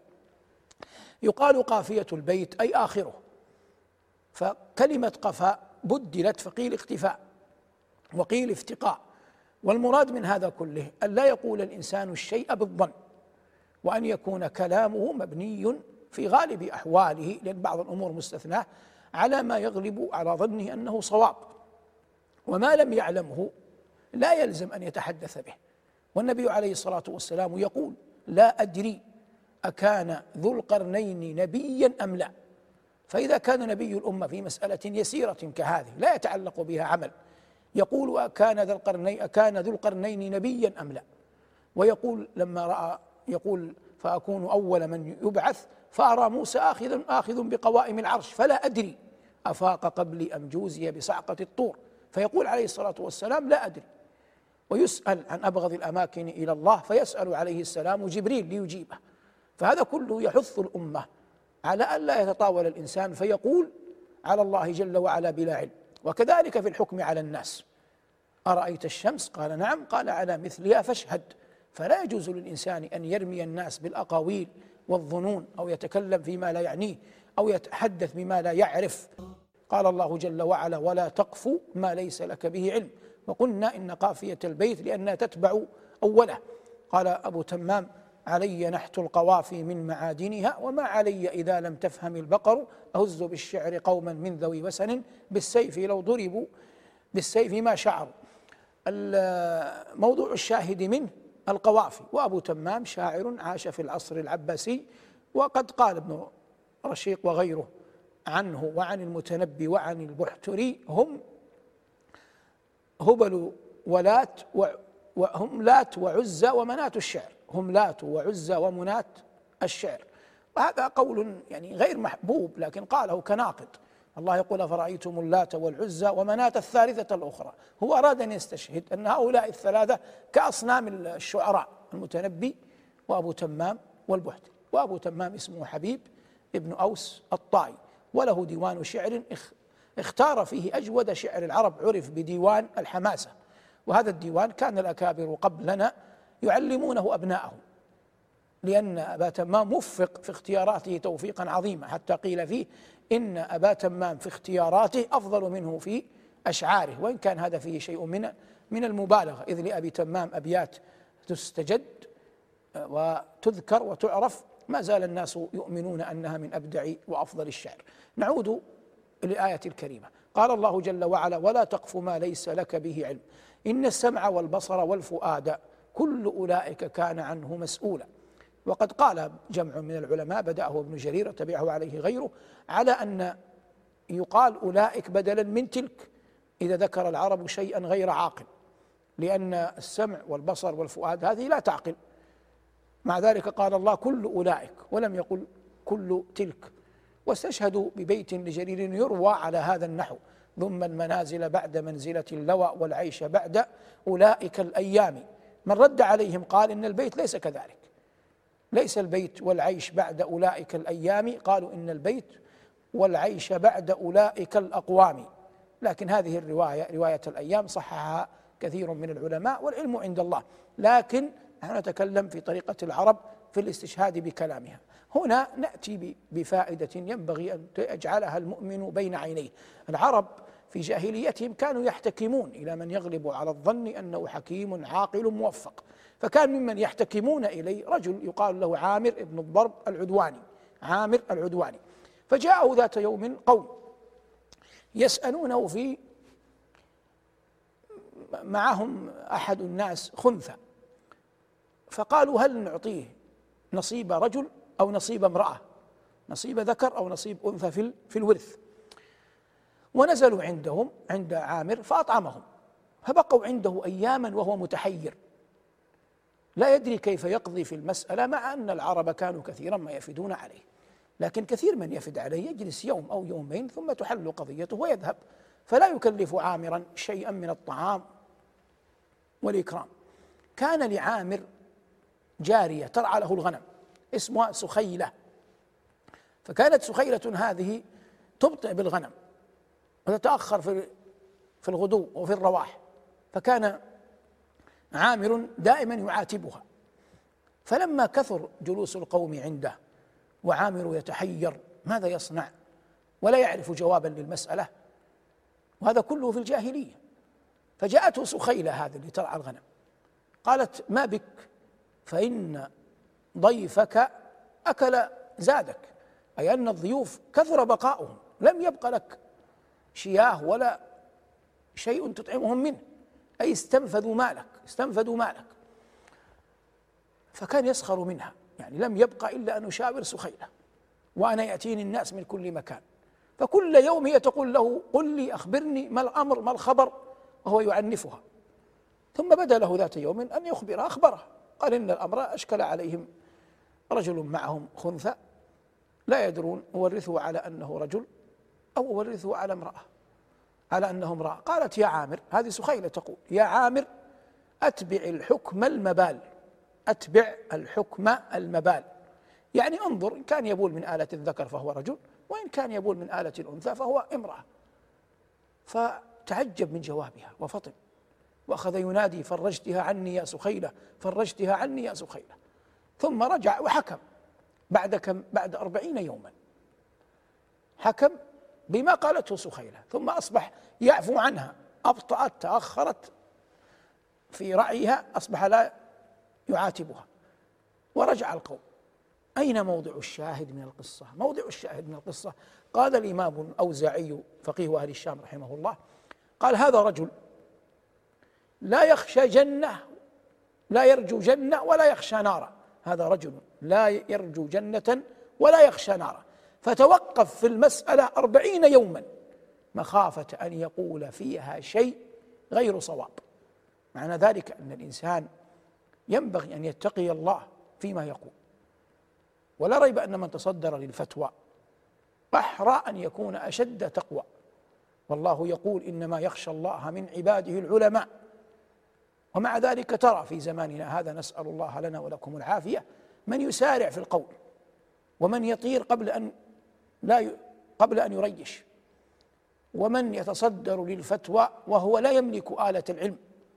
مع أن المؤمن الذي يرقب الله ويخافه يأخذ أولا بآلة العلم ثم يدفع عن نفسه الفتوى ما استطاع ثم إذا رأى أنه لا بد للناس منه من قوله ورأيه ويعلم من نفسه تقوى الله والعلم وآلة الفتوى مجتمعة عنده بعد ذلك يتكلم ويفتي ويسأل ويخبر أن هذا ما توصل إليه علمه وهو يملك آلته ولا يجبر الناس عليه قل ربي زدني علما وهنا يقول ولا تقف ما ليس لك به علم ومن رأى أحوال الأئمة الذين خلدت الأمة ذكرهم وكتب الله لهم القبول رأى عجبا في مثل هذا ويحسن بالعالم أن يربي طلابه وتلاميذه على أن يتريثوا في الفتوى وأن يبين أن يبينوا لهم أن العلم نور. يقذفه الله جل وعلا في قلب من يشاء كما قال مالك رحمه الله ليس العلم بكثرة الرواية إنما هو نور يقذفه الله جل وعلا في قلب من يشاء. وخبر أبي حنيفة رحمه الله في تأديبه لتلميذه أبي يوسف ما يبين ذلك عندما تعجل أبو يوسف وترك الحلقة فبعث له أبو حنيفة من يسأله فلما تردد في الجواب وعاد إلى الحلقة قال يا أبا يوسف أعادتك إلينا مسألة الغسال. ثم أخذ يؤدبه ويعلمه حتى نفعه. فأضحى أبو يوسف بعده قاضي القضاة كما هو مشهور معروف وهو أحد صاحبي أبي حنيفة. الذي يعنينا هنا قضية أن الإنسان يخشى الله جل وعلا ويتقيه في كل شيء بتعامله مع الناس أو إن كان من أهل العلم يسأله الناس. ولا تقف ما ليس لك به علم إن السمع والبصر والفؤاد كل أولئك كان عنهم كان عنه مسؤولا. يرقب الله العبد يرقب الله العبد في جوارحه في سمعه في بصره في قلبه. ألا يكون فيه خطرات وأمور وتوكل على غير الله ولا في سمعه أن يسمع ما حرم الله ولا في بصره أن ينظر إلى ما حرم الله. نسأل الله لنا ولكم العافية. قال الله جل وعلا بعدها ولا تمشي في الأرض مرحا إنك لن تخرق الأرض ولن تبلغ الجبال طولا. ولا تمشي في الأرض مرحا أي متبخترا. إنك لو مشيت ذلك المشياء تلك المشياء لن تخرق الأرض أي لن تقطعها. مهما بلغت ولن تبلغ الجبال طولا في علوها وكبريائها مهما عظمت هامتك وعلت قامتك. ولهذا لما رأى النبي صلى الله عليه وسلم أبو دجانة يتبختر في يوم أحد قال إنها لمشية يبغضها الله ورسوله إلا في هذا الموضع. تواضع تكن كالنجم لاح لناظر على صفحات الماء. وهو رفيع ولا تكن كالدخان يعلو بنفسه على طبقات الجو وهو وهو وضيع. يقول جل وعلا ولا تمشي في الأرض مرحا. هذا توطئة للنهي عن الكبر. وقد مر معنا أن الكبر حرمه الله وحرمه رسوله صلى الله عليه وسلم. ويقع كبر على الله وكبر على الرسول ويقع كبر على الخلق. ومن لطيف ما يستشهد به في هذا المقام أن الحجاج بن يوسف الثقفي على ما كان فيه. من سفك للدماء كان يقول أربعة من رجال أهل الكوفة لو أدركتهم لضربت أعناقهم. ثم ذكر بعضا منهم. قال إن منهم رجل عياذا بالله وقف على المنبر يخطب فأعجبه فصاحته فأعجبته فصاحته. فلما نزل قال له أحد الحاضرين كثر الله من أمثالك. إعجابا بما قال. فقال هذا المتكبر وأنا أعتذر ناقل الكفر ليس بكافر. قال هذا المتكبر لقد كلفت ربك شططا. نسأل الله العافية. لقد كلفت ربك شططا. والآخر كان يقف في الطريق وهو مزهو بنفسه فجاءته امرأة أضاعت الطريق. فقالت له لأنها لا تعرفه. قالت يا عبد الله أين طريق كذا وكذا؟ قال ألي مثلي يقال يا عبد الله. وهذا والعياذ بالله في الذروة من الاستكبار. الله جل وعلا يقول لن يستنكف المسيح أن يكون عبدا لله ولا الملائكة المقربون. وآخر عياذا بالله أضاع فرسا له فأقسم بالله إن لم يرد الله إليه فرسه لا يصلين ولا يصومن فبعد برهة بعد يوم يومين وجد فرسه. فقال لقد علم ربي أن يميني كانت عزما. ولا ريب أن هذه الأحوال الثلاثة كفر بواح. لا ريب أن هذه الثلاث كفر بواح. ما الباعث عليها؟ الكبر. فحان الإنسان يعجبه ماله تعجبه هيئته تعجبه فصاحته يعجبه منصبه يعجبه جاهه تعجبه أرومته يعجبه أبواه. فيقع منه فيه في قلبه كبر على الناس. فلا يرى الناس شيئا وما يزال الكبر يعلو به في نفسه حتى يجعله يتلفظ بألفاظ تهوي به عياذا بالله في جهنم سبعين خريفا أو أكثر. ولهذا ذم الله جل وعلا الكبر ونهانا أن تتبع أنفسنا أمثال ذلك. قال ربنا يخاطب سيد الخلق وأعظمهم تواضعا ولا تمشي في الأرض مرحا إنك لن تخرق الأرض ولن تبلغ الجوال طولا. ثم قال جل وعلا كل ذلك وكل من ألفاظ العموم. كان سيئه وفيها قراءتان كان سيئة وكان سيئه. فبالتاء كان سيئة يصبح يعود على قول الله جل وعلا ولا تقتلوا أولادكم خشية إملاق إلى آخر هذا السياق في الآيات. وإن قرئت بالهاء لا بالتاء كل ذلك كان سيئه فيعود إلى الأول من قوله جل وعلا وقضى ربك فيصبح سيئه أي ما حذر الله منه ونهى تبارك وتعالى عنه. كل ذلك كان سيئه عند ربك مكروها. ثم قال الله جل وعلا ذلك أي مما قصصنا عليك من قبل ومما أرشدناك إليه ومما أوصيناك به. ذلك مما أوحينا ذلك مما أوحى إليك ربك من الحكمة. ذلك مما أوحى إليك ربك من الحكمة.